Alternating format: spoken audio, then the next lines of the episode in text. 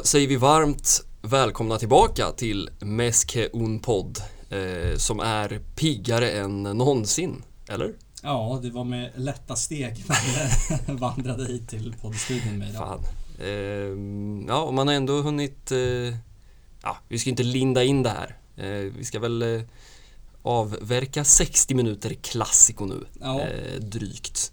Eh, man har ju hunnit eh, smälta det lite. Eh, jag såg om matchen här om kvällen. Eh, Det var ju- så bra alltså. Ja men det var ändå härlig liksom eh, Det är ju något med att titta på en match live med alla känslor inblandade så satt med mitt objektiva öga och insåg att det kunde ha blivit en och annan balja till bakom stackars Thibaut. Men vilken insats. Åh herregud. Jag har liksom försökt fundera ut på vem, vem man ska hylla efter Mm. den här insatsen. Superlativen räcker inte till. Nej, och det är liksom... Det är väl en sån här match typ där eh, de katalanska tidningarna kanske skulle kunna ge typ tre eller fem stjärnor eller vilket Mm. system de nu kör med till nästan varje spelare. Ja man får nog ändå I stort sett. Kanske Ja. inte. Det är väl någon som faller bort. Men... Ja det är väl den här stackars Ter Stegen som mest har stått där som får sin Han får liksom snälltrean ändå för Ja. att det gick så bra. precis. Men någonstans landar jag i att det är fan Xavi som ska hyllas Mm. efter, efter den här uppvisningen Mm. i hans eh, återkomst på Bernabéu. Ja, men vi pratar väl om någon slags eh, säsongs och kanske ja, ganska långt framåt liksom definierande match. Och eh, vi fick väl besked. Eh, annat kan man väl inte säga. Nej, vi pratade om statement hit och statement dit Mm. och eh, hade väl ganska försiktiga predictions Mm. med kanske en uddamålsseger eller ett oavgjort med mer smak. Mm. Eh, men en sån här utklassning såg man ju inte komma. Nej, för det, är väl, det finns väl inga andra ord eh, än just det. Eh, sen har man ju bevittnat en del paralleller nu till, eh, till Pep Guardiolas eh, Manitas och så vidare och eh, dit ska vi kanske inte riktigt sträcka oss. Men det var ju en, ja, det var en klasskillnad som man inte har sett på, på länge alltså. Ja, och det är väl det som kanske var det mest överraskande. Visst, Real Madrid tappar ju Benzema. Mm. Och alla vet ju vi pratade väl om att han är deras MVP, Mm. eh, hela ligans MVP kanske. Eh, men att det ska se så dåligt ut utan en nummer nio Mm. är väl också något slags underbetyg. Eh, Ja, man får ändå, jag vet vi kanske ska börja liksom i, vi kanske ska börja i den änden, någon slags eh, utvärdering, krisutvärdering av Real Madrids insats. Eh, för som du säger, ingen, ingen Karim och en Luka Modric i någon slags eh, falsk nia-roll, Mm. eh, åtminstone i, i def. Mm. Vilket ju såg, eh, ja det såg lite, lite speciellt ut. Eh, man, man var ju lite förundrad när, när elvan kom. Eh, vi pratade väl om det en del förra veckan också. Det, det, han, har, han saknar ju inte alternativ, Ancelotti. Sen är det ju inga, inga, och det kan man ju också diskutera hur man har, hur man har tänkt med den där truppen. Man är ju ganska uppenbarligen vilande på Benzema men, men eh, jag hade väl kunnat tänka mig, en, han har ju testat Asensio där, Isco, eh, Luka Jovic, den här ofattbart iskall anfallare. Eh, och Vinicius och Rodrigo, ja, han kunde ju ha satt eh, en rad namn där. Men, Mm. men det blir Luka Modric och ja, det såg väl sådär ut i, i ärlighetens namn. Ja, det var väl lite hela havet stormar i deras pressspel Mm. för Barcelona spelade sig ur ganska så lätt Mm. eh, nästan varje gång och man såg väl Modric liksom slå ut med armarna så fort eh, bollen passerade den där första pressen. Eh, Ja, det är lite den här ikoniska sekvensen på, jag vet inte om det är manitan på, på Camp Nou när Ronaldo ska upp och pressa och, och det blir mer eller mindre en kvadratenövning och han ja. slår ut med armarna och Mm. Sami Khedira och gänget står på mittplan och tittar något, åt något annat håll. Eh, nej men jag, Marcello var väl inne på det tror jag i, i kommenteringen också att eh, just att man, man tänker mycket på Benzema i, i det offensiva spelet och det är väl kanske världens, ja, kanske den mest defi- matchdefinierande spelaren de senaste eh, ett eller två åren. Mm. Men, men det, ja, det var länge sedan man såg ett lag så vilset i en första press och det, det ska man nog tillskriva Benzema. Ja, jo absolut. Han är väl någon form av referenspunkt även Mm. i det defensiva. Mm. Och där blev jag väl kanske lite överraskad över att Ancelotti, Ancelotti inte gick in och ersatte honom med en rak nia. Mm. Eh, Jovic eller Mariano som kom Mm. in. Eh, även om de inte är de mest formstarka spelarna Nej, så precis. kanske det finns någon form av grund ändå Mm. att ha. Det säger något också att vi har rabblat åtta namn men inte Eden Hazard eller Gareth Bale. Eh, och, eh, ja, det är en avgrundsdjup frysbox där på, på eh, Madridbänken känns det som. Ja, precis, ja, det säger väl rätt så mycket och Ancelotti kanske inte heller. Han tänkte väl uppenbarligen inte på dem heller. Nej. Eh, nej, men otroligt uh, märkligt ändå hur, Mm. hur stort det där tappet eh, ändå blev. Ja, det kändes tidigt. eh, det- kändes tydligt tidigt eh, att de inte alls kom rätt. Eh, Och vi ska väl prata en del om Barcelona sen också. Men, men det kändes liksom som att antingen så, så sjönk man ner och det, det har ju inte Barca några större problem med. Nej. Och ändå kändes det som att det kanske var vidöppet då också. Framförallt via kantspelet. Mm. Och satte man pressen, ja då vilket vi väl också ska prata mer om, Erik Garcias insats. Eh, Men, men då kom ju den långa bollen och, och plötsligt var två lagdelar bortspelade. Så att, Ja. eh, nej, de kom, eh, de kom fel. Så mycket kan man väl tillåta Ja. sig. Och, Ancelotti konstatera. gick väl ut och tog på sig misstaget som ja, varje god tränare kanske är Mm. lite taktiskt att, taktisk att göra så här det, det känns som att Ancelotti är liksom stereotypen för en Ja. tränare som går ut och tar på sig en, en insats eh, efter en tung förlust. Mm. Ehm, Men det är också något med att eh, det börjar väl ropas, eh, nu kommer väl Champions League bli säsongsavgörande för deras del, Mm. misstänker jag. Men, men låt säga att det blir en två svaga insatser mot Chelsea. Eh, då tror jag inte att eh, Carlo Ancelotti sitter på Real Madrids bänk i höst. Nej, det beror på lite hur, hur långt framåt de blickar. Det Mm. känns ju som att det är en trupp som bara väntar på att liksom renoveras från grunden. Ja. sätt. Eh, Det är Ja, det- det- ja.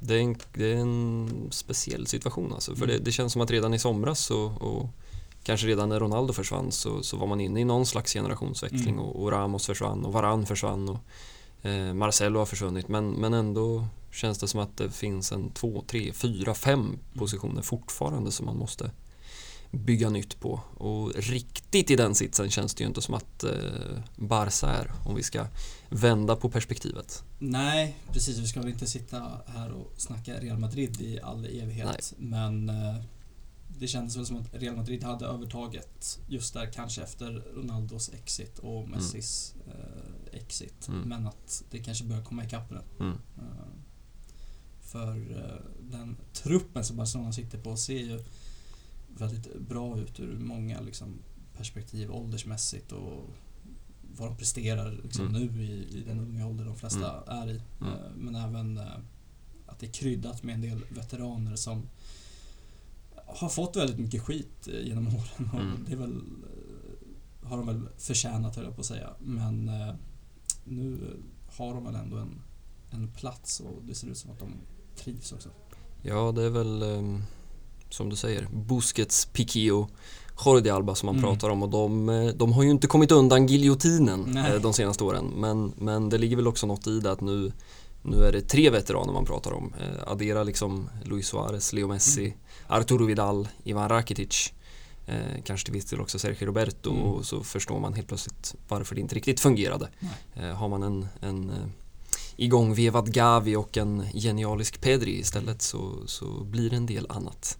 Ehm, men vi, vi kanske ska ta mm, lite från minut 0 till minut eh, 90 för det, det börjar ju ja, som klassikon gör eh, tänkte jag säga. Eh, ganska intensivt. Ehm, men sen eh, det känns som att Barca tar tag i taktpinnen i princip omgående.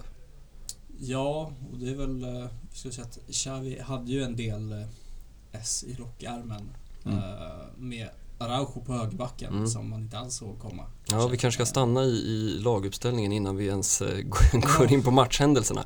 Eh, Men som du säger, Araujo som högerback är väl kanske den, den, den stora, det stora utropstecknet. Ja, jag tror vi, vi ändå fingrade lite på det där Mm. för några veckor sedan. Och Mm. så här, ska man stänga Vinicius-kanten helt så är det väl Araujo som ska, Mm. som ska vara där. Och så Erik Garcia i mitten Mm. istället. Och så blev det ju nu. Mm. Och det var ju ett jäkligt lyckat drag. Ja, det, det får man ju verkligen säga. Och det är väl lite sådär med tränare att nu, nu lyfts Xavi upp till skyarna. Mm. Och eh, hade det varit annorlunda så, så hade väl Araujo eh, kunnat bli en, en eh, förklaring åt andra hållet. Mm. Men eh, han är ju, han gör ju en eh, fullständigt lysande insats eh, på alla plan. Ja, den är i Eh, princip fläckfri skulle ja. jag säga. Liksom. Och han har ju, vi har ju pratat om det förut, den här eh, tiden innan de här nyförvärven satte sig och, och Xavi skulle lajva någon slags 3-5-2 vridning där med, med Araujo som någon slags eh, halvytterback. Eh, så han har ju varit där och nosat lite men, men den här gången var det ju verkligen som en utpräglad eh, högerback i ett 4-3-3. Mm. Eh, även om han inte, jag noterade att han inte hade någon vidare offensiv frihet. Nej. Ehm, Det var Osmane som skötte den biten mot stackars Nacho Fernandes som väl inte hade sin bästa kväll i karriären. Nej, och, och som han gjorde det. Ja, ja herregud. Eh, kommer in på det. Ja. Eh, Men den, och det, det var väl också, mm, ja, Auba och eh, Ferran Torres kändes väl relativt solklara. Men, men det fanns väl ändå en liten, även om de allra flesta trodde på Dembélé från, från start så, så är det ju tydligt, tror jag i alla fall, att, att han har gått förbi Adama Traoré nu. Eh, Ja. I någon slags, eh, jag vet inte om man kan kalla det för en, en gala-elva. Eh, det var ju länge sedan man, ett tag kändes det som att man verkligen kunde prata om den där med Lu- Luchos Barca och kanske till, till viss del eh, Valverdes Barca Mm. men, men det känns som det är länge sedan nu man hade en utpräglad elva som man visste att när det bränner till så, så är det de här som spelar och jag tror väl ändå att de elva som stod på plan igår möjligtvis då att man, man ska sätta in en Dani Alves lite beroende på motstånd men, men det känns ändå som att det är de här elva som, som går först Ja. eh, när det verkligen bränner till. Verkligen, det, Eh. det är de 11 och plus två, det är väl Gavi och Alves de Mm. du är inne på. Mm. Beroende på motstånd så Mm. kan de eh, gå rätt in i den där Mm. eh, startuppställningen. Och jag bara, tanken slog mig nu för vi har ju pratat lite tidigare om den här eh, P eller Gavi-lösningen som, som någon slags vänster eh, inverterad Iniesta-roll. Eh, Den känns ganska avlägsen nu, eh, måste man ändå säga. Ja, det, det är väl jag glad för i alla fall. Vi har ju sett det inte funka Nej. Fullt ut och, och det håller ju inte i längden att Nej. det ska vara så. Liksom. Men på tal om Gavi så, så blev det han som, som hamnade på kvisten Mm. och eh, ja, Pedri var den, den givna. Eh, Frågan var väl snarare om det skulle bli Gavi eller Frenkie de Jong. Mm. Eh, och jag tror väl att vi var inne på, på att eh, kanske blir holländaren ändå men vi var lite Ja det kändes inte liksom 80-20 utan det kändes kanske 60-40. Ja, Eh. jag var ändå inne på Gavi från start. Mm. Eh, Men eh, herregud, de Jong gör ju en jättebra insats. Eh, Och han har ju det i sig. Mm. Eh, Det är absolut inte så att det är ju 50-50 Mm. för en själv också. Liksom. Mm. Men det är väl just energinivån som kanske skiljer dem åt. Mm. Och i ett El Clasico på förhand så såg jag väl att Gavis energi skulle göra nytta. Mm. Eh, Och det gjorde den väl också med, med inhoppet. Ja det får man Eh, säga. Han, han tar inga fångar. Nej, jag tror han Den, såg eh, någon statistik att han vann flest du- Ja. mer dueller än någon Real Ja. Madrid-spelare. Eh, Och då spelade han väl typ 19 minuter eller något, Något i den stilen. Säger väl en del om, eh, om honom. Energiknippet Gavi. Mm. Ja men det är väl något med det där att eh, någonstans så ska ju de där tre in. Eh, nu kan vi väl prata i tio minuter om Sergio Busquets eh, aldrig sinande fotbollshjärna men, men han ska ju fasas ut eh, förr eller senare. Ja. Eh, det låter väl nu som att det blir sommaren 2023 Mm. Ehm, men man har Pedri, man har en Gavi, man har en Frenkie de Jong Eh, och de där tre ska ju in på ett mittfält. Eh, och frågan är bara hur man ska lösa det där. Och det är väl Frenkie de Jong som är den man först har i tanken för att flytta ner även om jag tror varken både du och jag eh, egentligen förespråkar honom i den eh, lägre rollen. Men man har ju ändå svårt att se ett Barca under de kommande 7-8 åren där eh, Gavi, Pedri och, och Frenkie de Jong ska rotera på två platser. Nej, det eh, kommer ju inte hända. Nej. Så, så frågan är hur man men det, det, blir, det blir nog Frenkie de Jong till slut mm. som, som gissar jag får ta det där klivet ner. Um, men det var väl egentligen de frågetecknen i, i elvan. Mm. Um, möjligt, ja det är klart vi, vi ska väl prata lite om Erik Garcia också som uh, fick kliva in på den där platsen. Uh, och jag ska vara helt uh, transparent och säga att jag på förhand inte kände att det här är glasklart. Det här känns stabilt. Nej, det gjorde det verkligen inte. Uh, han, det slutar ju med att han uh, visar sig själv från sin bästa sida. Mm. Uh, jag vet inte om jag har sett han göra en bättre insats i Barca-tröjan. över 90 nej, nej, och just vid i ett El Clasico också, mm. på den största scenen. Ja, sen, men, sen kan man ju då säga att det är klart att han och, och Piqué kanske inte ställdes på de största proven. låt, eller må ja, vad hade hänt om, om Karim Benzema hade startat? Eh, det ska vi väl låta vara osagt. Mm. Men eh, han eh, stärkte sina aktier i alla fall. Eh, och är väl en spelare som har, eh, har haft det tungt. Och, eh, men, men han verkar ju ha förtroende från, från Xavi. Ja. och det, det tyder väl på en del. jag har ju varit lite nervös för just kombinationen Piqué Erik Garcia.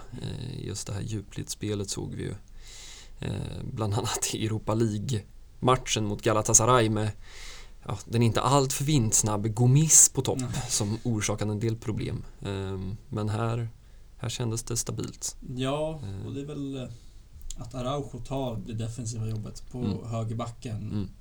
Det blir någon slags dominoeffekt. Mm. Då behöver liksom inte Piqué vara där ute och, och täcka upp för en Dani Alves Precis. under matchen. Och då behöver inte Erik Garcia heller Nej, precis. Eh, tappa fokus och fundera på vart han ska stå utan nu kändes det ganska liksom säker, han var säker i positionsspelet och mm. passningsspelet och det är ju precis det man vill ha. Mm.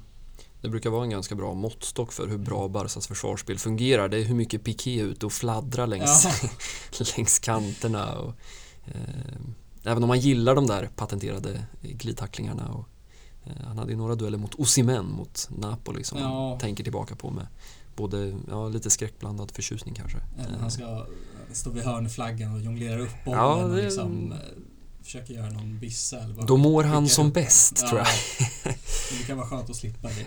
ja, nej men det, det, han, han var inte ute och vira speciellt mycket. Mm. Men det var väl egentligen förutsättningarna. Jag tror vi gick igenom dem mm. egentligen från A till Ö. Mm. Um, och Ja, men det kändes, eh, det kändes laddat, tyckte jag. Med tanke på eh, efteråt så vet jag att det kom jag tror det var Marca som var mm. ute och, och hade någon eh, rubrik här om att Madrid-spelarna var förvånade efter matchen över mm. att Barca-spelarna firade som de gjorde eftersom ja, vi alla vet ju att det är ett, ett vitt lag från Madrid som kommer ta hem den där ligatiteln mm. om, om vi inte liksom får bevittna en kollaps av historiska mått mätt. Eh, jag vet att Xavi har väl varit lite försiktig men, men det har ju varit några spelare, bland annat Jordi Alba som mm. har varit ute och, och, varit väldigt tydliga med att mm. Eh, vi går för den här ligatiteln. Det är inte för sent. Eh, och det är väl saker man säger och det är klart att man ska ha den inställningen men det skiljer ju fortfarande tvåsiffrigt och Eh, det är inte allt för många omgångar kvar att, att, att eh, lira på. Eh, jag vet inte om det här var Barsas 28 mm, Man har väl en match i, handen. Ehm, men för att, för att återgå till matchbilden då, då så, så nämnde vi Osman Dembélé som, mm. som väl jag misstänker att om man skulle göra någon slags röntgen av Nachos eh, hjärna den där natten vid någon slags eh, fin eh, villaförort i Madrid därefter så, så lär det vara en del fransk högrytter som spökar. Eh, otrolig insats igen. Ja, vi har sagt det under många veckor nu att han har nog aldrig varit i så bra form som han är nu och, då, och, det tror jag har mycket med det får vi tacka Xavi för mm. helt enkelt. Mm. Eh, han har ju gått emot ledningen, mm. vilket kanske inte är det lättaste att göra när man har så liksom starka kopplingar till just Laporte Mm. och, och eh, hans eh, män i kostym. Mm. Eh, Och man ju säga att Laporta har, det är liksom ingen liten konflikt som har Nej. funnits med Dembélé utan den, den har ju varit eh, av rätt stora mått Ja, mätt. vidöppen och infekterad Mm. och nej, det har inte all, alls varit bra. Eh, Men att ändå gå ut så tydligt och markera att men jag kommer spela honom Mm. så länge han är en Barca-spelare. Mm. Och det har ju gett en otrolig effekt. Mm. Det var ju... Ja, jag vet inte. Det, det är bara att hosta fram det där kontraktet.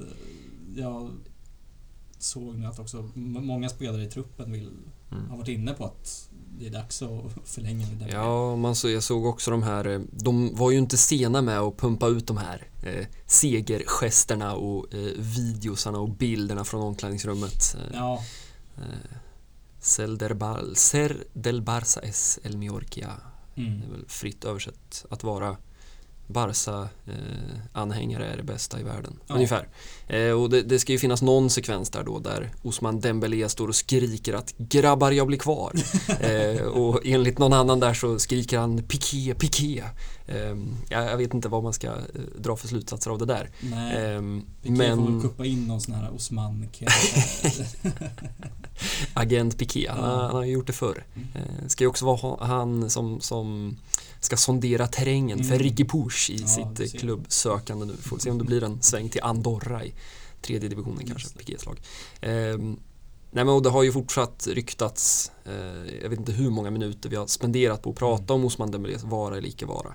Eh, men det verkar ju fortfarande som att klubbens approach är att eh, det är upp till Dembélé och hans camp att eh, komma tillbaka Mm. och, och sänka sina krav. Mm. Eh, för att eh, de är väl fortfarande orimliga.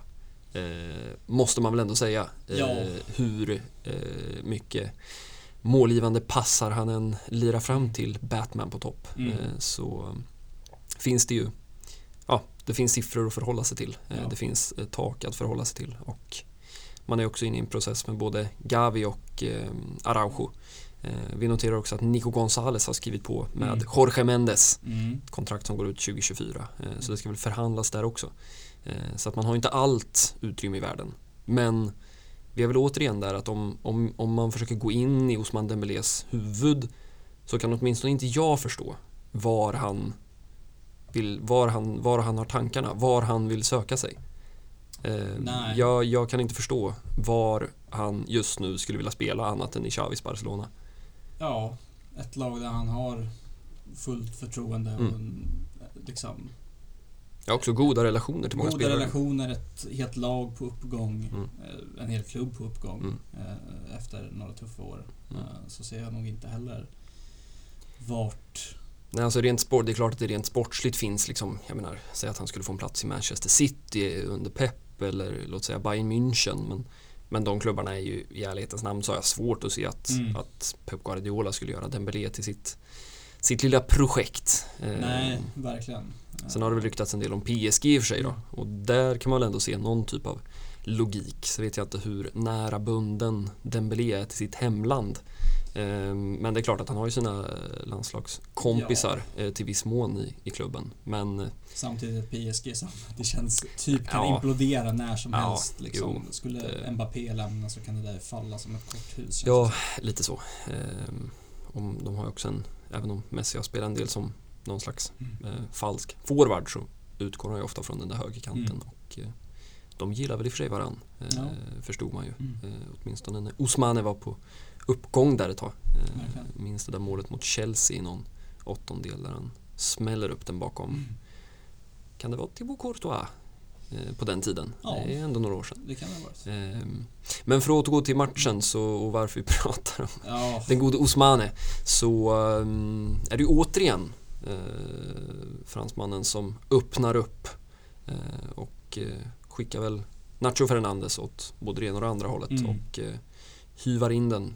Eh, och David Alaba, ett av få, det är inte ofta man ser eh, den fotbollsspelaren ta konstiga beslut men Nej. det är någon slags yoga-position på den där foten som inte alls når upp. Och Aubameyang, eh, han fortsätter att eh, ösa in mål. Eh, ja herregud. Eh, ett otroligt fint mål. Där han, som han nickar in och Mm.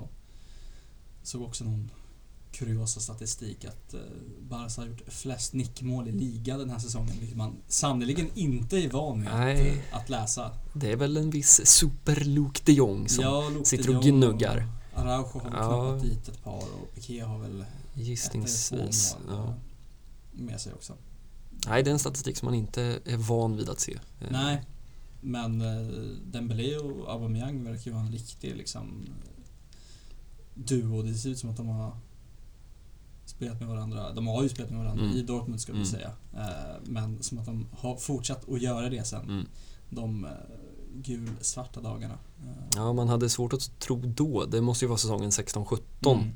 Eh, hade någon berättat för en att eh, sådär fem, sex år senare så, så, så ska han spela fram Aubameyang- Aubameyang i ett Man hade väl tänkt sig att Dembélé skulle ta Mm. över världen ungefär Mm. men, men att man skulle få se en Aubameyang bakom sina 30 år i eh, Barcelona-tröjan. Mm. Eh, på tal om statistik så var det väl nionde målet nu va? Mm. Eh, och med det så är han väl bäst på någon slags sån här lista över vilka anfallare har öppnat sina målkonton Ja, bäst på de första matcherna. Det är väl en viss Zlatan Ibrahimovic som är där uppe och tampas.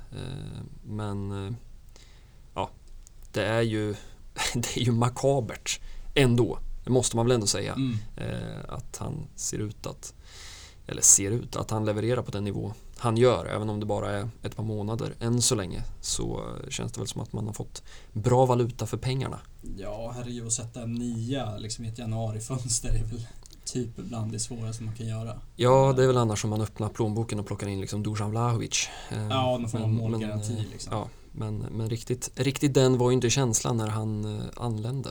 Eh, Nej. Ska man väl vara helt, eh, det, är väl, det är väl inget att skämmas över att, att eh, man tänkte så där och då. Det är lätt att vara efterklok men ja, han har väl motbevisat sina kritiker vet jag inte, men tvivlar i alla fall. Ja, verkligen. På ett övertygande sätt. Eh, och ja, han kommer ju bli nyttig. Sen får vi väl se hur länge han blir kvar. Och det ska väl in en, en politikervärvning. Om det nu Mm. blir Håland eller eh, Mohamed Salah eller eh, en Paulo Dybala. Eh, Ja, Fore säger jag bara. Vi har haft nog av bolltrillare i det här laget. Jag vill ha yttrar. Eh, Serge Gnabry kanske. Mm. Eh, återstår väl att se. Men eh, ja, eh, det blir väl kanske nio till innan säsongen är slut. Sluta på, får väl gå förbi Memphis Depay i, i, eh, i skytteligan. Jag vet Mm. inte hur många han har i just ligaspelet nu men eh, Det det är väl ett par stycken. fyra, fem, sex mål i alla Ja. fall efter, Ja, efter den här omgången. ja. Mm. Men eh, det det ska väl också sägas att eh, Real Madrid hade ju den där chansen som eh, jag som eh, etablerad idrottspsykolog brukar alltid prata om det här härliga att om man missar en chans så blir det mål åt andra hållet. Och lite så var det ju vid Mm. 2-0 målet.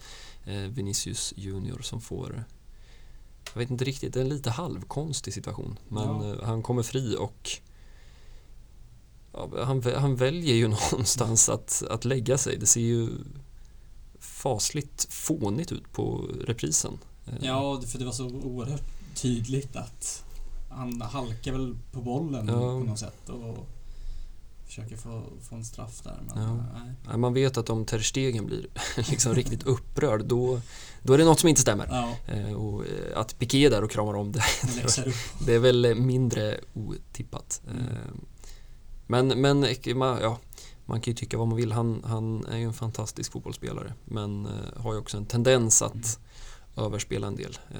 Men jag tänker framförallt som från ett, från ett vittröjat, även om de inte var vittröjade. Vi kanske måste stanna där ändå. Eh, det, det känns som att eh, en man som hatar ryssavsparkstider tycker inte om eh, två felaktiga färger i, i ett El Clasico.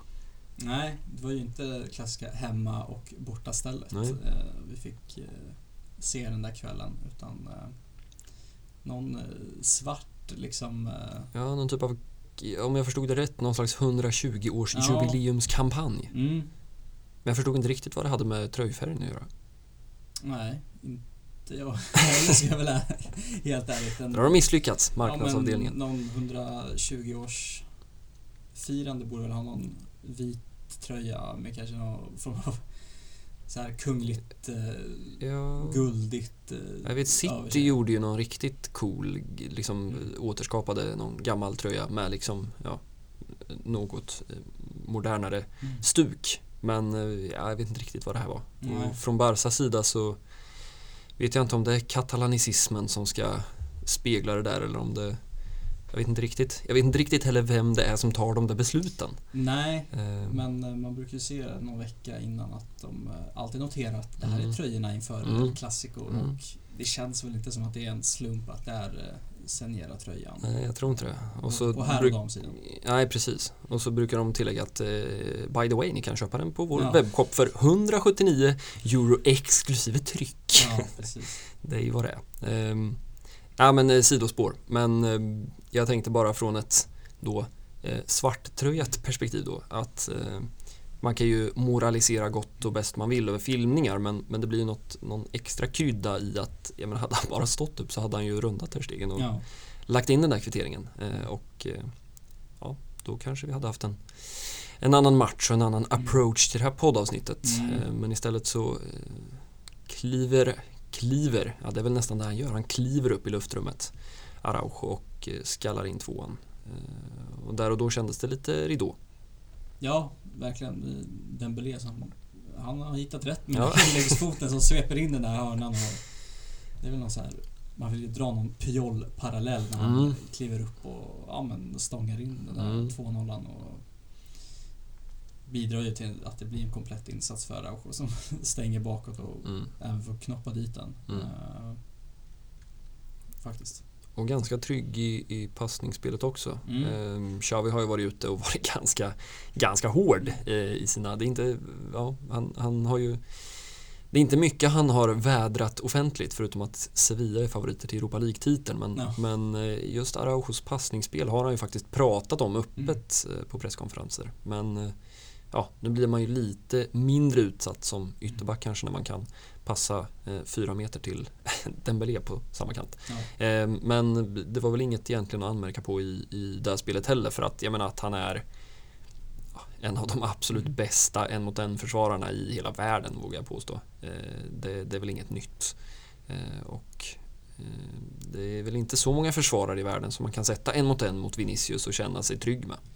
Nej, Araujo visade väl att han är en av dem. Eh, Hade Vinicius i sin berömda ficka Mm. som eh, Twitterkontot gick Mm. ut med där efter typ 30 minuter. Ja, det kan vi också ägna ett tag åt att eh, diskutera vilka det är som sitter och knappar de där meddelandena. Eh, kändes ju som en klassisk lika trött som man är på att höra den där bakfickan som man är trött på att höra om jinxar. Men Ja, det var väl just där det kändes som att det var. Men sånt biter inte på uruguayanen. nej, verkligen inte. Eh, uppenbarligen.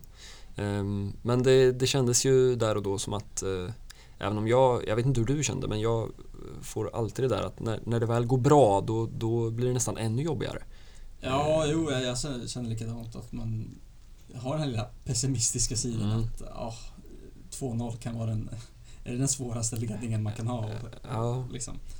Nej, vi, vi eh, glömmer inte Celta borta liksom. Nej, Den precis. Det sitter finns kvar. Väl, finns väl kvar i oss. Ja. Men så blev det inte. Nej, man hann ju knappt sätta sig ner där när andra halvlek gick igång innan Mm. Ferran Torres var liksom fri från halvplan. Mm. Och Real hade väl gjort ett eller två byten i halvtid. Ja, man plockade väl in Kamavinga och eh, Mariano va? Mm. Eh, och plockade ut Lucas, eller plockade ut Nacho. Ja, Eh, och det kan man väl unna Nacho men Mm. eh, jag vet- inte riktigt vad som, vad som hände. nej, de går väl ner på Eh. någon trebackslinje och då blev det vara ännu fler ytor samtidigt Ja. som de pushar fram hela laget. Mm. Eh, Och då blir det liksom... eh, Ja, Ja, jag noterade att eh, Courtois eh, sa efter matchen, och nu parafraserar jag vet inte exakt, men, men någonting att eh, ja, Ancelotti gjorde de där bytena i paus och vi, eh, vilket då är spelargruppen då underförstått, eh, förstod inte riktigt det där. Eh, och det, det är ju inte heller... Ja, det är en ganska tydlig signal. Det är inte så ofta man får, får höra det där rätt ut från spelarna. Även om det är i affekt efter en 0-4 förlust såklart. Eh, men det kändes som att eh, ja, ja, det, som du sa, det kunde ha blivit Trean kunde kommit efter, vad, vad, vad var det, 40 sekunder typ. Ja. Eh, och, och Ferran, Ferran, Ferran och målchans, målchans, målchans. Jag tror aldrig vi kommer sluta med det där. Eh, Nej, fick han ju knoppa en sen. Ja, Men, han, eh, han, men han bränner väl två. Det Mm. där friläget, sen har han ju också eh, ett ganska bra läge i den första Mm. halvleken eh, som går tätt utanför. Mm. Men det var väl skönt att se han sätta trean där. Mm. Eh, Jättefint anfall och Aubameyang visar på Mm. spelförståelse. Ja. Han liksom bara klackar den vidare. Och, Skönt avslut. ja, Eh, verkligen. Bara sitter som en smäck uppe Ja, vi ska återigen understryka hur snyggt det är när de liksom fastnar i nätet när det är Ja. ordentligt spänt. Det är estetiskt tilltalande på en annan nivå Mm. eh, än vad som är normalt Ja. kanske. Eh, men om det var ridå när Araujo nickade in Mm. 2-0 bollen så, så var det väl eh, någon typ av ytterligare ridå som Mm. fanns att tillgå eh, på Bernabéu. Ja, då var det ju liksom, vart ska det här sluta? Mm. Eh, I princip. Mm. Då ser man ju direkt någon Manita-firande liksom Mm. komma upp i... i Ja, man är ju... Det är väl någon slags pandemi som har spridits i, i Barca-kretsar. Eh, om det nog... Eh, ja, kan vi säga att eh, Gerard Piqué är någon slags eh, Anders Tegnell i det här. Ja, Eh, han, han, eh, men, men samtidigt tänkte jag på att han var inte så jäkla... Det var något, någon, någon kontring där man såg att han Mm. älgade på. Men eh, nej, det stannade ju vid fyra. Man hade gärna haft den här femman. ja, Eh, och det kunde väl blivit eh, kanske både sex och sju ja, det ska vi i ärlighetens namn. Jag noterade någon sån här XG-siffra på fyra och ett halvt. Eh, och eh, ja, det var väl med bud på mer. Ja, Ehm, och det är ju en andra halvlek där Real Madrid är iskalla. De Mm. får ju ingen utdelning av, av något av bytena.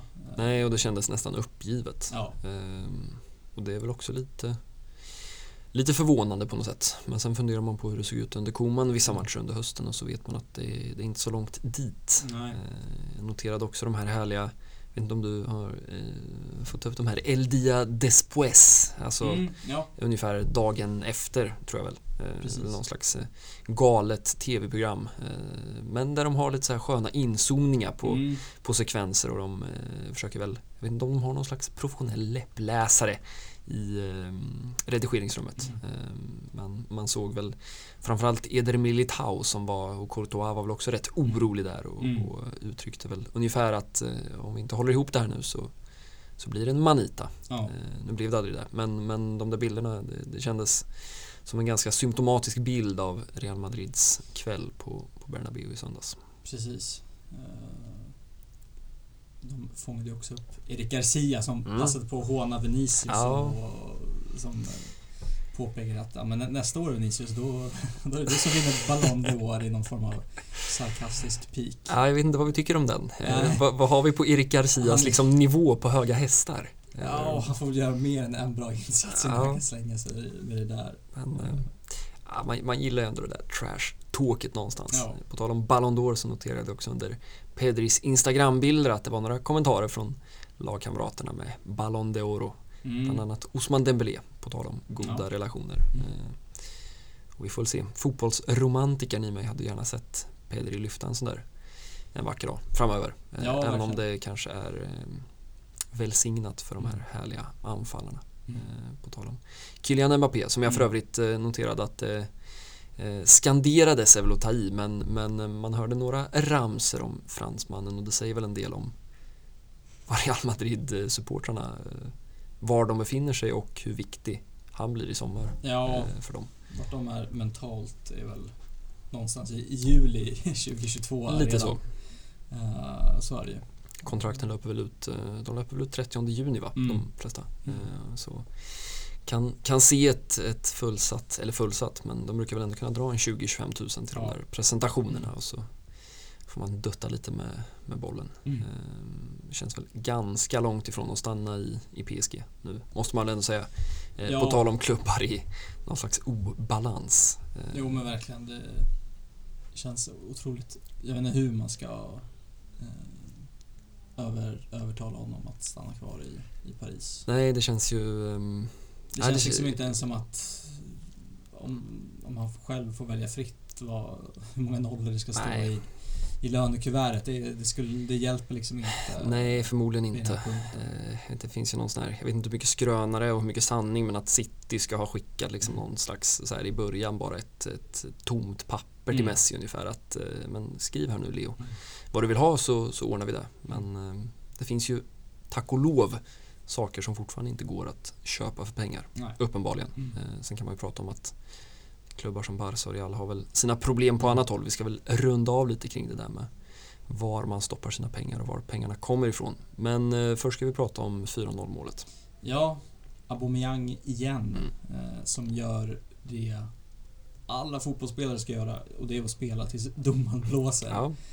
Eh, för han kommer ju fri där och linjedomaren drar ju upp flaggan. Mm. Och alla Real-spelare slutar ju att spela. Förutom Courtois som ändå liksom går ut och försöker täcka upp där. Eh, Ja. När han chippar den in i mål. Mm.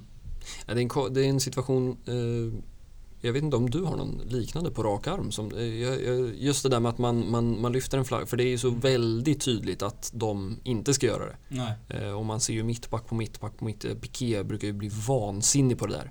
När man ska ta en 50 meters löpning för att jaga en jävla Iñaki Williams Mm. som har sprungit offside för sjunde gången. Ja. Ehm, Men, men här var det tvärtom. Och jag, vet, jag ska vara ärlig och säga att jag vet inte exakt vad regelboken säger. Nu antar jag att eftersom man tittar på det i två minuter så, Mm. så eh, går det ändå eh, liksom under ett paragraf. Men rent... Eh, jag vet inte, det, det, det går ju att diskutera ändå, tycker jag. Ja, Ehm, alltså jag förstår ju att om Real Madrid-spelarna ser en do- linjedomare som drar upp flaggan. Mm. Att de utgår ifrån att ja, men det är offside. Mm. Samtidigt har ju inte domaren blåst. Nej. Eh, Och frågan är liksom hur, hur mycket, för det satt jag också och funderade på då när de där sekvenserna vevades fram och tillbaka. Att jag, jag vet inte riktigt, åtminstone hur mycket mittbackarna faktiskt uppfattade av och hur tidigt. För Mm. min upplevelse var att Aubameyang var ganska långt ifrån så att säga. Alltså hade, hade Alaba lagt eh, 10 procentenheter till i sin löpning så hade inte det gjort någon skillnad. nej.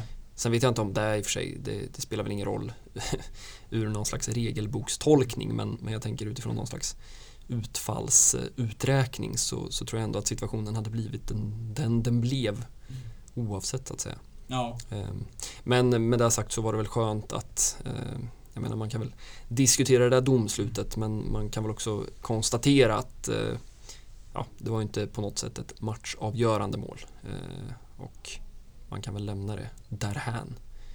ja men så, så är det ju. Eh, sen...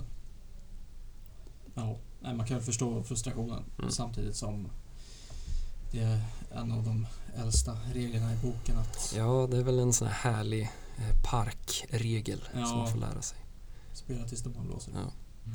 Ehm, men, men fyra blev det och eh, med bud på mer. Eh, Aubameyang hade väl kanske den, nu har vi pratat om Ferrans brända chanser men Aubameyang hade väl mer eller mindre ett öppet mål eh, också där han eh, vinklar bollen i reklamskylten istället. Ja, kunde ju ha fått sitt hattrick. Ja, det hade, hade varit något. Mm, verkligen. det var han hade hittat på för ny målgest då. Eh, jag, jag, vet, jag vet inte hur insatt du är i, i det är lite fel eh, liksom, genre för mig.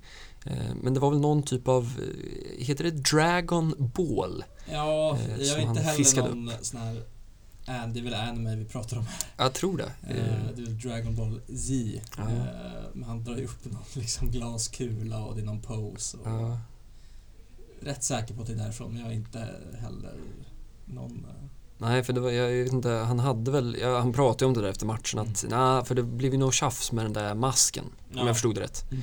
Eh, och då hade kompisen kommit på att, eh, men hej, jag, jag tar med den här istället. Ja. eh, ungefär. Eh, men det såg väldigt spontant ut, noterade jag. Ja. Eh, och jag vet inte, men han, han, det är klart, han vet ju vilket, vilket hörn. Jag funderar också på om den här snubben då har köpt två plåtar. eh, så att han då i första halvlek står på rätt sida så att säga och i andra halvlek står på rätt sida igen. Eh, jag vet inte. Eh, det, man gillar ju någon, vi har ju pratat lite målgest, vi har ju pratat Ricky Push Mm. eh, som inte alls förstår vad man gör när man gör Nej. mål. Sergio Busquets har väl lite samma problem. Ja. Ehm, på tal om ovana målskyttar men Aubameyang är ju han är dedikerad ja, han är Eh. en av de som har det där utstuderat. Ja. eh, och det finns väl någon gammal beef med Toni Kroos. Eh, jag är inte helt insatt i den frågan heller. Eh, men jag såg att det kablades ut bilder på när de hälsade på varandra i spelartunneln och alla var vad är det som händer?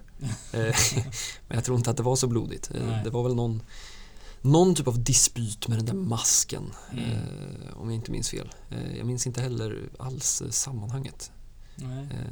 Men det verkade ganska oskyldigt. Sen, Mm. sen kunde han ju faktiskt ha, det var en jävligt elak eh, satsning i, i tidigt. Det var väl innan Ja, ledningsmålet det. tror jag ja, till och med. Det, det helt, eh, Ehm, På tal om, om domslut så eh, var den väl, ja han fick ju inte ens ett kort. Jag, nästan brandgul eh, tyckte jag. Även om han då inte satsar fullt ut. Men, men eh, Nej, precis. Nej, det är ju ett solklart gult kort men jag misstänker att domaren inte vill sätta nivån därefter. Jag vet inte exakt, men det, var ju, det tog ju inte många minuter nej det var innan, tidigt. innan vi fick se det där. Mm. Eh, och det var ju inte populärt den här... Är det Tony Kroos sen? Ja, jag tror att det är stackars, stackars Tony. Han Eh, gör något liknande fast det var ju inte i närheten av lika många dobbar i den tacklingen och så får han ett gult kort och alla tänker hej men det Ja. där då? Ja, och sen kom det någon, då blev det liksom kompensation på kompensation sen. Jag tror det är Frenkie de Jong som åker på en Ja, ganska billig, eh, billigt kort där sen. precis. Eh, det är väl en klassisk spansk domarinsats. Ja. Man eh, väger in sina tidigare domslut i sina nya domslut. Eh, och ibland inte. Man vet ju aldrig vart man har de där gossarna. Eh, men sidospår igen. Eh, det kunde ha blivit mer. Det är väl liksom det känns som en konstig rubrik att liksom ta med sig och någonstans gå ut med när man har besegrat Real Madrid med 4-0 på Bernabéu. Men, ja, men det är väl någonstans där man måste stänga det att eh, liksom fy, det var väl närmare 7-0 än, Ja. än liksom 1-4. Det, det måste man väl ändå kunna, kunna säga så Ja, nej, de, som sagt de i Real Madrid är helt ofarliga. Det får väl ändå även Madrid-anhängare konstatera Ja. eh, i stora delar av matchen. Mm. Eh, och det kändes ju aldrig som att man var hotad egentligen. Nej, alltså inte, inte, inte liksom på en intellektuell nivå. Eh, sen kan det kännas i maggen eh, när det är 0-0, 1-0, Mm. 2-0, 3-0 kanske man någonstans börjar eh, slappna av lite men nej, ett uddlöst Real Madrid. Mm. Eh, och vi får väl se nu om de klarar av att ladda om. Eh, Chelsea får ju sälja matchbiljetter nu igen, eh, åtminstone i, i eh, internationella turneringar, Mm. noterade jag. Även Mm. om alla pengar ska gå till Uefa. Eh, jag vet inte vad som är värst att stoppa dem. Nej, vi ska väl inte jämföra. Eh, men ehm, ja, så är det i alla fall. Eh, det blir en spännande vår både för Barcelona och eh, Real Madrid. Mm. Jag vet inte, är det några fler liksom individuella insatser som vi ska, ska diskutera närmare? Jag, jag tänker ju på, på en Pedri som vi knappt har nämnt.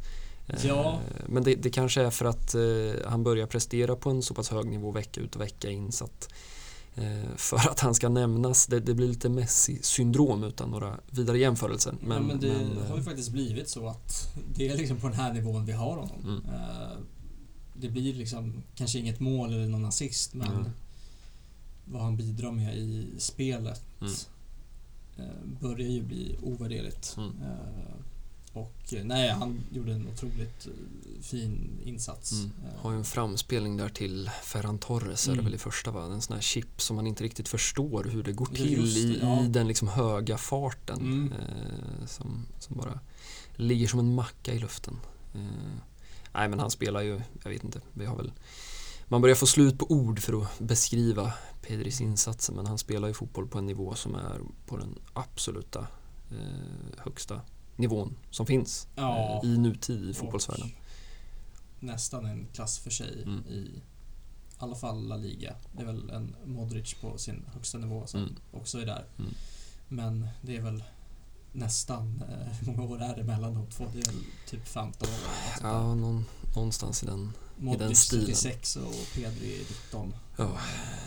Så, Nej, och det är, ja, man, man glömmer ju också när man funderar. Jag menar visst, man har jag tror vi pratade om det för några vecka sedan, att man har varit ganska bortskämd med de här unga liksom super, supertalangerna. Jag menar Kylian Mbappé är väl någonstans i en klass för sig där, Mm. men, men jag menar i, i, i en liksom Barca-kontext så har vi också haft liksom en Ansu Fati, vi har haft en Gavi efter detta och, och men någonstans så glömmer man att Pedri är 19 år och eh, också att han har liksom missat en hel höst. Ja, Ehm, vilket ju Ronald Koeman eh, har varit ganska tydlig med. Jag vet inte, vi har, har väl knappt nämnt det där men, men det var väl till och med förra veckan som han var ute och, och bjöd på sig själv eh, som han ju gör och Mm. gjort en del sen eh, Sortin från Barca i, i holländsk press och eh, ja, var väl ganska hård mot både det ena och det andra hållet eh, men framförallt mot Johan Laporta. Mm. Eh, Även Henrik Larsson, Ja. Fotbollskanalen, fick ju en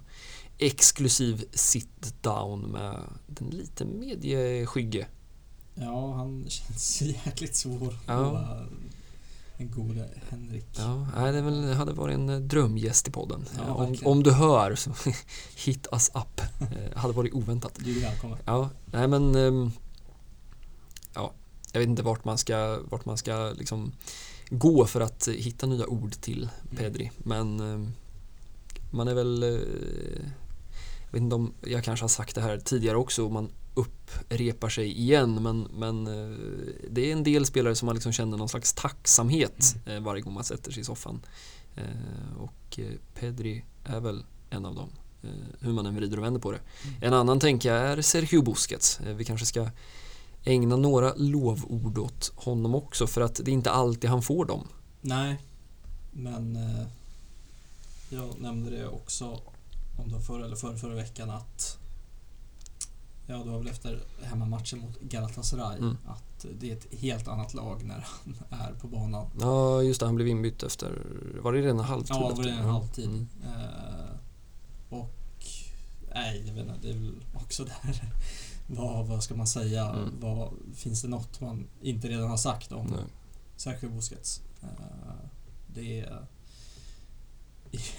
nästan sinnessjukt att han fortsätter att prestera på, Mm. på den här nivån. Mm. Även om felmarginalen inte är så stor längre och, Radien i Ja. benen täcker inte samma.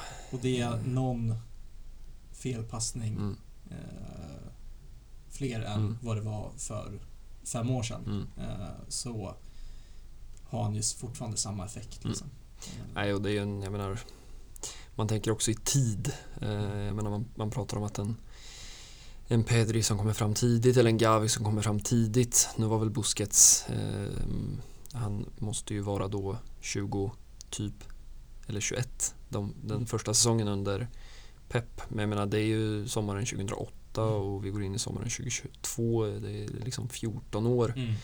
av fotboll på liksom absolut högsta nivån i princip från dag ett. Ja. Eh, jag menar, man, man vet någonstans att får man pepp att skeppa en Yahya Touré eh, då, då är det något speciellt och så rätt han hade den gode pepp. Ja. Eh, som så många gånger förr. Men eh, jag, tror, jag tror inte man ska underskatta det där. Att, de, de, eh, ja, att hålla på den absoluta nivån.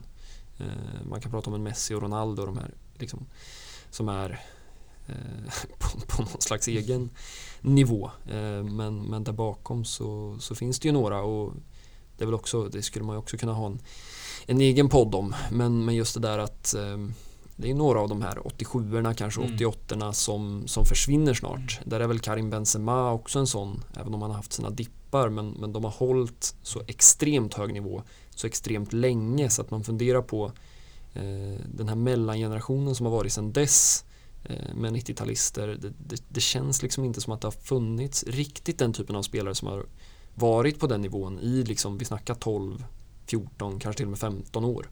Nej, Ehm, och det är liksom... Jag vet inte vad svaret på den frågan är. Det är väl någon form av kanske den här första generationen fotbollsspelare som har fått allting de behöver Mm. redan från liksom knatteåldern. Mm. Eh, Ja, men någonstans så går väl ändå gränsen där. Ja. Det tror jag är en spaning som inte har någon vidare empiri i forskningsvärlden. Men, men låt oss sätta igång en, en undersökning på Södertörn så Ja, har vi nog ett svar eh, inom kort. Eh, nej men det var det jag tänkte komma till att, att det återstår väl att se nu. Eh, man kan väl i princip, sen är det klart att man kan komma med invändningar och det finns väl säkert en rad liksom 90-talister då som, som ändå har hållit en hög nivå i liksom, de här kanske tio åren som är möjliga då. Men Mm. jag tänker på en Pedri och en Gavi och eh, framförallt en Ansu Fati med hans skador och, Mm. men även liksom Kylian Mbappé, eh, Haaland, eh, vilka man nu vill, vill lägga in Alfonso Davis eller Mm. eh, Phil Foden eller ingen aning. Men, men kommer de att, att kunna göra det som Mm. de här eh, sena 80-talisterna har gjort? Eh, jag vet inte, det återstår att, att se. Eh, nu blev det en jävla ut, eh, sidospårens sidospår ehm, för att avsluta ett El Clasico Mm. med Sergio Busquets. Men eh, jag vet inte, vi, vi får väl någonstans stänga det med att vi pratade om det här liksom statement-matchen. Mm. Eh, vi vill ha ett statement. Eh, och nu har man besegrat Atletico Madrid eh, 4-1 va? Eh, Athletic Club 4-0. Napoli 4-1. Mm. Eh, Valencia, eh, är det tre eller fyra? Eh, och, och så åker man till Bernabéu och, och eh, gör fyra på Real Madrid. Eh, ah, man behöver väl inte liksom säga så mycket mer än så. Eh, sen får man väl åt, det återstår väl att se vad som, vad som händer i sommar och vad som händer framöver och ska Xavi sitta i liksom fyra år? Det är ingen som har blekast om det. Nej. Men eh, jag vet inte. Eh, några sista ord om ett klassiko. Några visdomar som vi inte har hunnit med. Oj, nej, det är väl... Nej, det är väl inte att ligan lever, för det, det gör den väl kanske Aj inte. liga!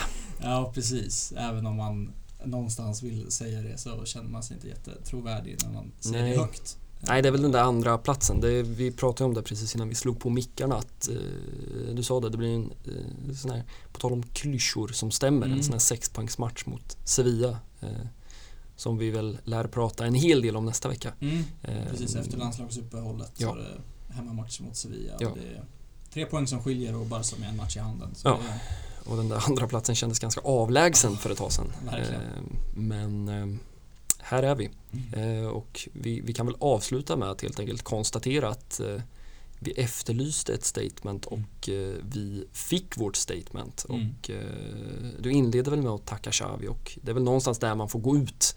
Det finns väl många Mm. Profiler att ta med sig men, Mm. men eh, att Xavi står där längst fram med, med fanan i topp. Eh, jag noterade också den här videon eh, som florerar där när de, ja, den här när de tar den här lagbilden och eh, samtidigt brister ut i den här sången och man ser Mm. Xavi stå och vifta där med, med armen och sjunger högst av alla så eh, ja, det är någonting som, Han har fortfarande eh, i sig. Ja, och ehm, man är väl en obotlig romantiker i det där att eh, det är väl för övrigt, ska jag väl nämna på dagen idag, sex år sedan Johan Cruyff gick bort. Mm. Eh, och ehm, noterade också att eh, Juan Carlos Unzue, eh, Luchos eh, assistent, Mm. eh, som har drabbats av ALS, vilket väl är den pissigaste sjukdomen man överhuvudtaget kan drabbas av tror jag. Ja, Man ska väl inte eh, göra några ligor av det, men jag noterade att han valdes in i Sevillas Hall of Fame igår. mm. Ehm, Men, men på tal om att liksom vara en obotlig romantiker så är det ju svårt att inte ja, det, är, det är något mer än, än vanligt i att se Xavi stå på den där eh, eller stå, stå, stå vid sidan, sitta Ja. på bänken eh, stå och hoppa eh, det är väl Frenkie de Jong som slår bort en passning tror jag vid 4-0 och, och Xavi är fullständigt vansinnig Mm. Eh, jag vet inte om det är spel för gallerierna eller om det är någonting bottnar i i alla fall och ehm, jag vet inte hur många månader vi är in Eh, det är väl tidig november han tar över ja. Det är väl en, en snart fem månader in och eh, man kan väl säga att man kan se på framtiden med tillförsikt. verkligen. Eh, Men vi stänger väl klassikot med att vi fick vårat statement. Ja, Eh. Mer passande blir det inte. Eh, Men det har ju hänt, eh, vi vi ska väl bara avrunda med eh, att det har hänt lite annat i, i de blåröda kretsarna. Eh, Och vi börjar väl i Spotify Camp Nou. Ja.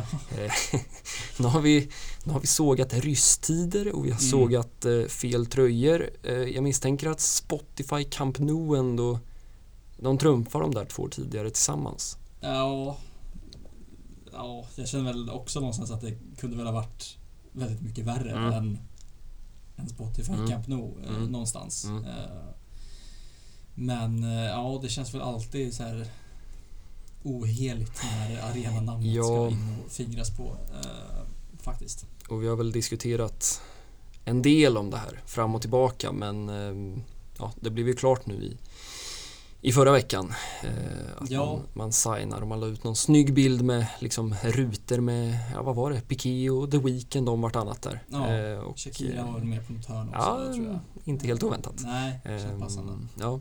Eh, och 60 till eh, 70 miljoner euro per säsong är väl de uppgifter som har florerat från de namnen som man litar på där nere i, i Katalonien. Mm. Eh, och det ska vara logga på matchtröjor och träningströjor och eh, vi pratar ju både dam och herr då. Ja, Ehm, och vad jag förstår så är väl dealen skriven lite på olika sätt. Att en del av grejerna är skrivna på fyra år om jag förstår det rätt och en del grejer är skrivna på tre år. mm. Ehm, men eh, ja, jag, jag vet att jag drog ut någon tweet där och liksom, ja hopp. Eh, och, men precis som du sa så, så var ganska mycket av responsen liksom att sådär, det kunde ha varit värre. Mm. Eh, och det ligger väl en del i det, antar jag. Ja, vi har ju sett eh, vad har vi för köpta arenanamn ute i Ja, fotbolls... de, är, de, är ju, de är ju alldeles för många, eh, Ja. tyvärr. Men det kan ju vara någon sån här liksom Man har väl hellre ett eh, Nu är det väl lite speciellt med att det är ett svenskt företag Ja, någonstans men man har väl hellre det än något så här är det katariskt flygbolag de har ute i eh, Manchester i Etihad. Mm. Eh, Något i den stilen. mm. Det känns... känns Nej, jag, måste, jag, måste, jag måste bara få lyfta liksom i, i Det är så vansinnigt härligt långt ifrån liksom Qatar-verkligheten men, men Falcon Alkoholfri Arena är väl, är väl någon slags eh, favorit ändå. Är det Falkenberg eller?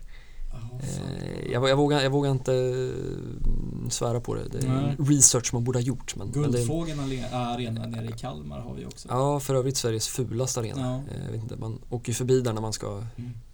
Enda gången man är i Kalmar är när man ska till Öland. Kanske pissa på någon som älskar Kalmar. Jag Ja. vet inte.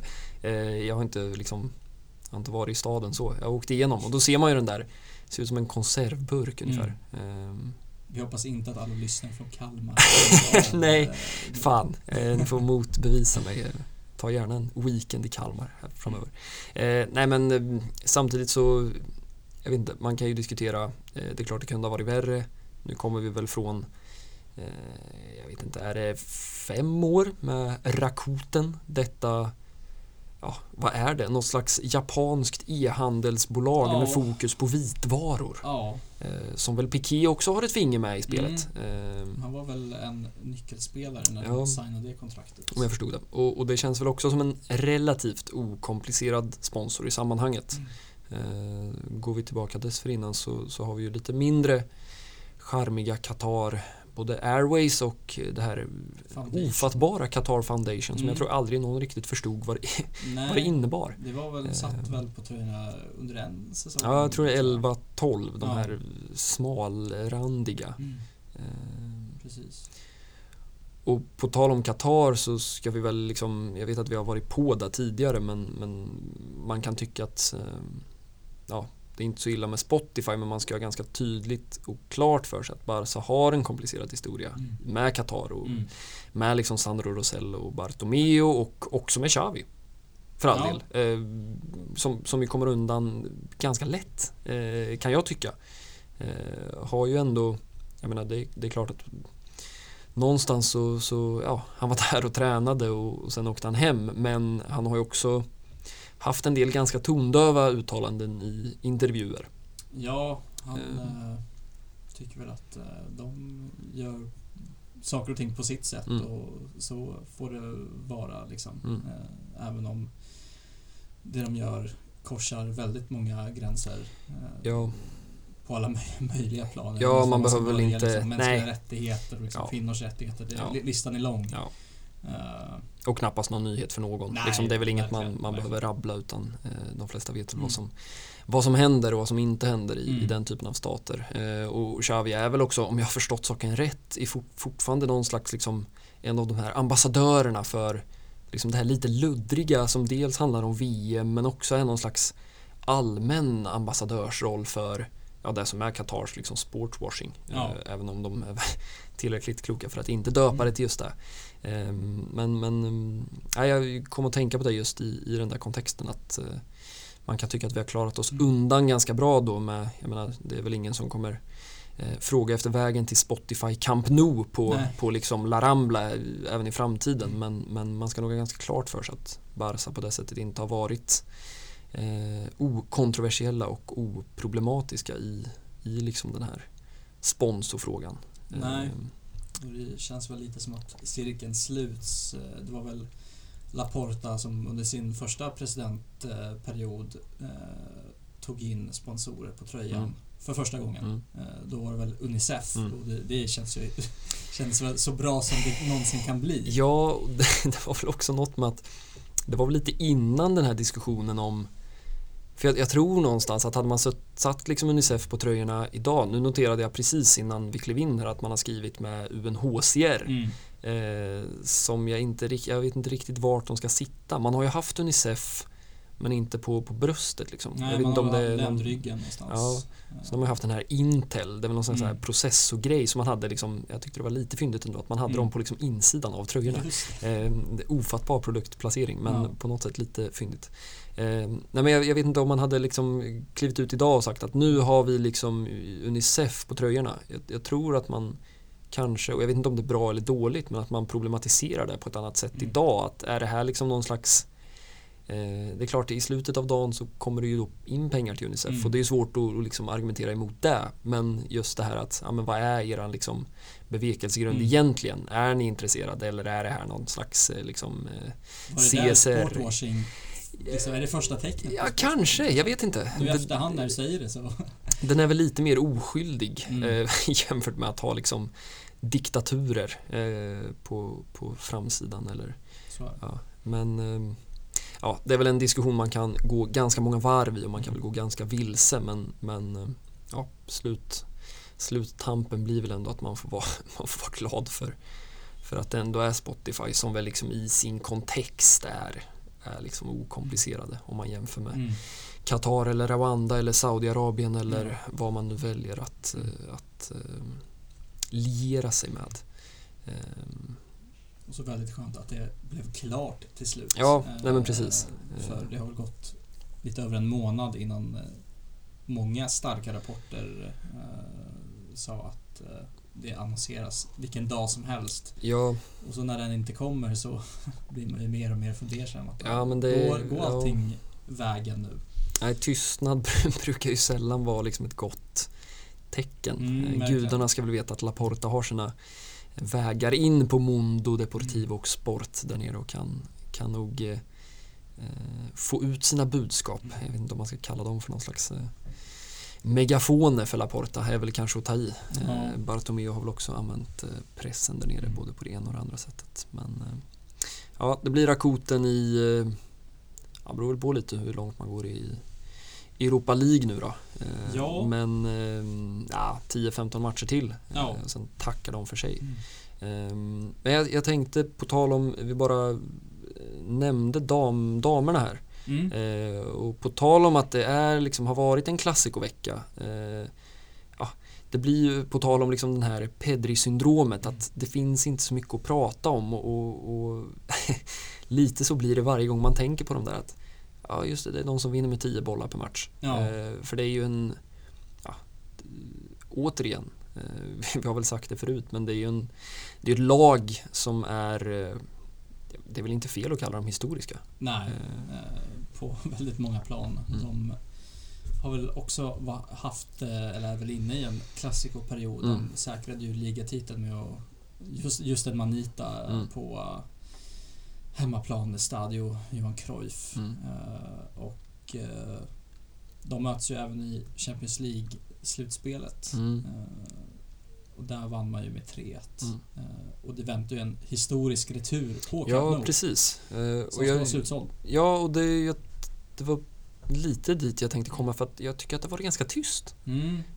och det, men det är väl den här typiska, hur man än vrider och vänder på det så, så hamnar de alltid i skuggan eh, av de mäktiga herrarna. Eh, men som ja. du säger, det, det, det, är ju ja, jag, jag har också förstått det som att det är slutsålt och mm. eh, man har väl sett det där på ganska många ställen i Europa nu och, och till och med Tele2 Arena ja. Eh, för inte allt för många eh, månader sedan. Mm. Eh, och ja, det, det, går väl åt rätt håll. Det är väl där man... Ja, man, eh, det kändes som att det fick ganska mycket utrymme där när det blev klart. Mm. Att det skulle bli ett El Clasico Mm. på Camp Nou. Mm. Eh, sen har väl tiden gjort att det hamnar lite längre ner på prioriteringslistan. ja, Eh, men eh, man, jag tycker ändå man har paketerat det rätt snyggt och ändå byggt upp någon form av hype. mm. eh, faktiskt. ja, frågan är hur många säsonger det dröjer innan de liksom flyttar in på Camp Nou eh,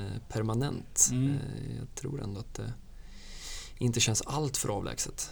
Eh. Sen, sen vet man ju inte, det, det ska ju komma folk också. Mm. Eh, och det är väl lätt att göra, det är väl liksom baksidan av det där eh, när man blåser upp någonting att det är lätt att det blir det blir ett evenemang på ett annat sätt. Eh, jag menar Jorge som, som bor på Plaza Catalunya, han har gått på, på herrarna i hela sitt liv och nu märker han att oj, det verkar som det är folkfest och så går man dit. Eh, men Mm. jag vet inte, att se 38 omgångar Kanske något annat. Men Ja. samtidigt, eh, även om Laporta har väl varit ganska klar på den punkten att det är Johan Cruyff eh, stadion som gäller tills vidare så Mm. eh, både ändå tror jag och hoppas att inom inte en f- allt för lång framtid så, så kan det bli riktig arena för dem också. Eh, Mm. Jag vet inte var de har snittat riktigt på, på Johan Cruyff-arenan. Eh, Den är, den är ganska trevlig i sig. Ja, Jag har inte varit Jag har inte sett match men jag har varit eh, där. Jag har varit runt och snokat. Ehm, Men det är klart att det är väl Camp Nou som är, som är målet. ja, det var ju slutsålt när man säkrade ligatiteln och då var det väl runt 5500 pers. Mm. Eh, och det är väl vad, vad den stadion Ja, tar. något i den stilen. Eh, Sen vet jag inte vad publiksnittet ligger på. eh, Men jag kan tänka mig att det ändå har gått upp sen Mm. den där Champions League-segern förra Ja, säsongen. precis.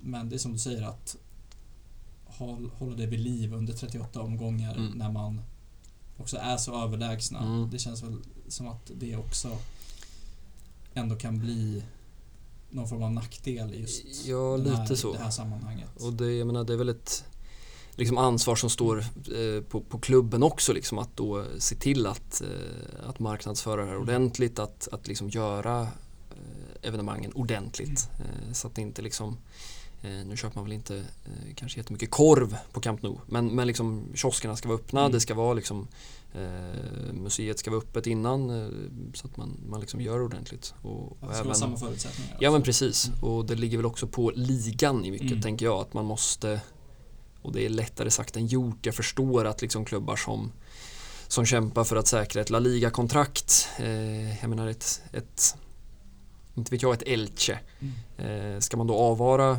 låt säga 5 miljoner euro från den där budgeten för att dra igång ordentligt kring Mm. damlaget. Någonstans finns det en ekonomisk verklighet och eh, ja, jag vet inte om man ska kalla det förståelse Mm. men, men någon slags eh, finns väl någon slags eh, ja, jag vet inte om rimlighet är rätt ord heller men förhoppningsvis så kommer väl det där i kapp också Mm. med tiden för att precis som du säger att gå och vinna varje match som man gör är väl egentligen varken bra för un- underhållningsvärdet eller för, för spelarna själva tänker jag.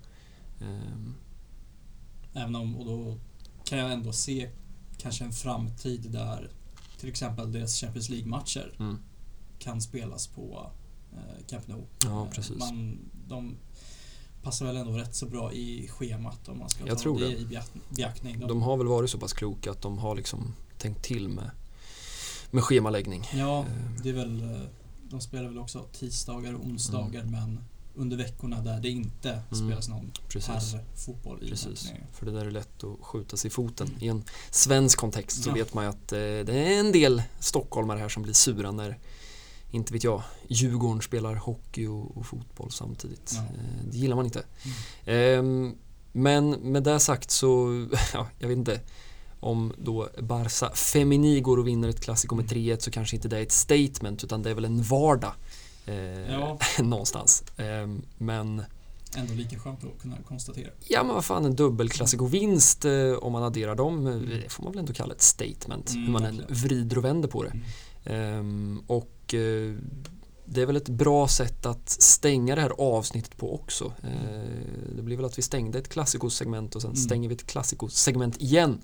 Eh, men man kan ju bära fanan högt eh, som Barca-anhängare dessa veckor. Ja, Eh, jag vet inte om vi bara ska konstatera, vi var inne på det lite grann, men Europa League, där väntar Eintracht. Frankfurt. precis. Eh, Och, eh, ja, ren liksom, ja, det kanske blir, det är det där vi ska avsluta. ja. En spontan liksom reaktion. Eh, nej men det kändes väl, jag vill inte säga drömlott. Det fanns väl ett Rangers där som Ja, kanske sportsligt är eh, något sämre. Mm. Eh, men man undvek ju lag som eh, Lyon till exempel. ja, Leipzig fanns väl också där. Precis. Eh, Ja, men det blir kul att Ja. och åka upp till Tyskland också. Det brukar vara bra drag på, på läktarna och träffa på Mm. De har ju några sköna Jens Petter Hauge och japanen Hasebe som väl är. Inte vet jag, gamlare än, eh, jag vet inte vad, gamlare än gatan. Ehm, Men med det sagt så kommer vi att återkomma till det. Vi ska ju också eh, Ska vi ner till Sevilla eller ska Sevilla upp till Camp Nou? Sevilla ska upp till Sevilla Camp ska Nou. upp till Camp Nou. Ehm, 21.00 söndag den 3 april. Ja, här tar, här tar vi inga fångar. Nej. Gavis presspel och Emilios schemakoll. Eh, kanske där vi går ut. Eh, nej men och såklart så ska vi snacka upp det nästa vecka och eh, vi säger väl på återseende och eh, innan dess så ska vi ju se Svea rike ta sig till ett eh, bespottat VM-slutspel. Eh, Ja. Förhoppningsvis. Ja, Eh, man får Så. väl börja med att vinna matcherna i alla fall. Eh, sen Ja. får man väl ta resten därifrån. precis. Ehm, men eh, tills nästa vecka så säger vi väl på återseende. det gör vi. Ha det Ciao. gott!